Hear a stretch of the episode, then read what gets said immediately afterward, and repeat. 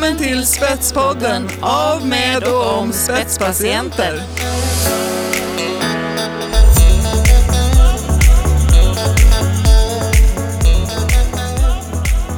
Idag är Spetspodden på Vitalis, Nordens ledande e-hälsomöte och jag heter Sara Riggare. Jag sitter här med en spännande person som jag delar samma sjukdom med, vi har båda Parkinson. Kan du berätta lite mer om dig själv, Charlotte Elg? Ja, jag heter Charlotte Elg som sagt, är 47 år och har haft Parkinson nu i fem år. Eh, redan från början så ville jag, sökte jag andra personer som också hade Parkinson för att känna trygghet. Eh, kände ju ingen egentligen som var i den här åldern. Eh, och det har ju lett till att jag då har träffat dig Sara. Ja. Fantastiskt roligt. Ja, och det det eh, verkligen. sedan kommit in på det här med spetspatient. Och eh, brinner mycket för att och liksom stödja och hjälpa andra och hitta rätt väg som kanske tycker det är jobbigt i sjukdomen men även att det hjälper mig. ja. Tycker du att du är en spetspatient själv? Ja, det tycker jag. Ja. Eh. Kan du beskriva lite vad du gör som du tycker att du gör som spetspatient? Det största jag gör och jag, som, jag mycket, som jag, folk tycker är väldigt, väldigt eh, bra det är ju att jag har träffar för oss som är yngre med Parkinson här i Göteborg. Ja. och även i startat i Uddevalla. Och hur mycket det hjälper oss att sådana saker som vi inte behöver belasta vården med, det kan vi prata om. Plus att vi träffar vänner, jättegoda vänner får man. Ja, ja. Och vi är ju här på Vitalis, vi har ju en monter, spetspatientmonter. Och du är här och ska hjälpa oss att, bemanna den här montern. Eh, vad, vad ser du fram för det kommer hända? Vad tror du, hur tror du det här kommer att bli? Och vad, vad, vad ser du fram emot under konferensen? Jag ser mycket fram emot att se lite mer, vad finns det? Det här med e-hälsa fram igenom. Eh, Även träffa andra, alltså skapa lite kontakter. Se, eftersom jag själv inte jobbar inom vården eh, men ändå har mycket kontakt. Och, och liksom få, jag är nyfiken vad som finns. Ja. Hur, hur ser du att vården kan bli mer eh, patientnära? Vad tycker du saknas idag? Ofta är det ju, man hör ju att många, och jag träffar inte läkaren så länge, man hinner inte med.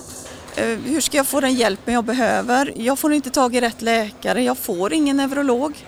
Ehm, Och där ser jag då de här träffarna i första hand då som att vi stödjer vi varandra så behöver man bara ta det medicinska till vården och då belastar vi inte vården på det sättet.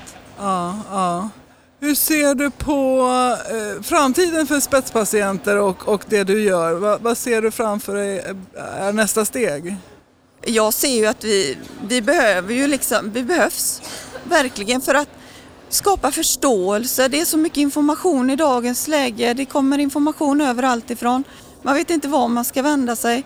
Men då om man är då som spetspatient då är man ju i samma situation. Och man har ju varit med om lite grejer med läkare och jag har fantastisk sjukvård. Och, men eh, jag behöver ju också stöd och hjälp och just det här att, eh, att man kan tipsa varandra. Hur tänker du där? Och där tror jag vi behövs. Och i dialogen med ja, vården överhuvudtaget. Ja, ja.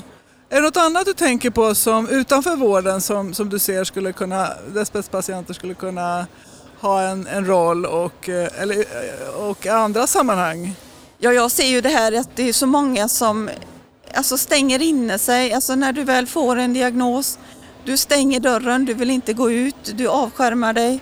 Och varför ska du göra det? Att försök och inte bekymra dig vad som händer i framtiden utan lev här och nu och försök att ta vara på dagen. Ja, ja.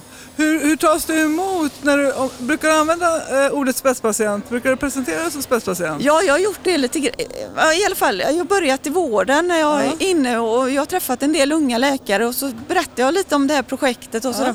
Åh vad spännande säger de och lycka till nu och det behövs. Och Jag tror också det att det är viktigt att när man kommer ut och liksom lite grann mynta begreppet och även i, bland allmänheten att, att vi behövs och, och just det här att jag tror vi väcker både inom vården, väcker tankar men även hos allmänheten. Ser du några risker i, i spetspatientarbetet? Finns det några problem som vi måste se, se, se extra mycket på och eh, som vi behöver ta hänsyn till?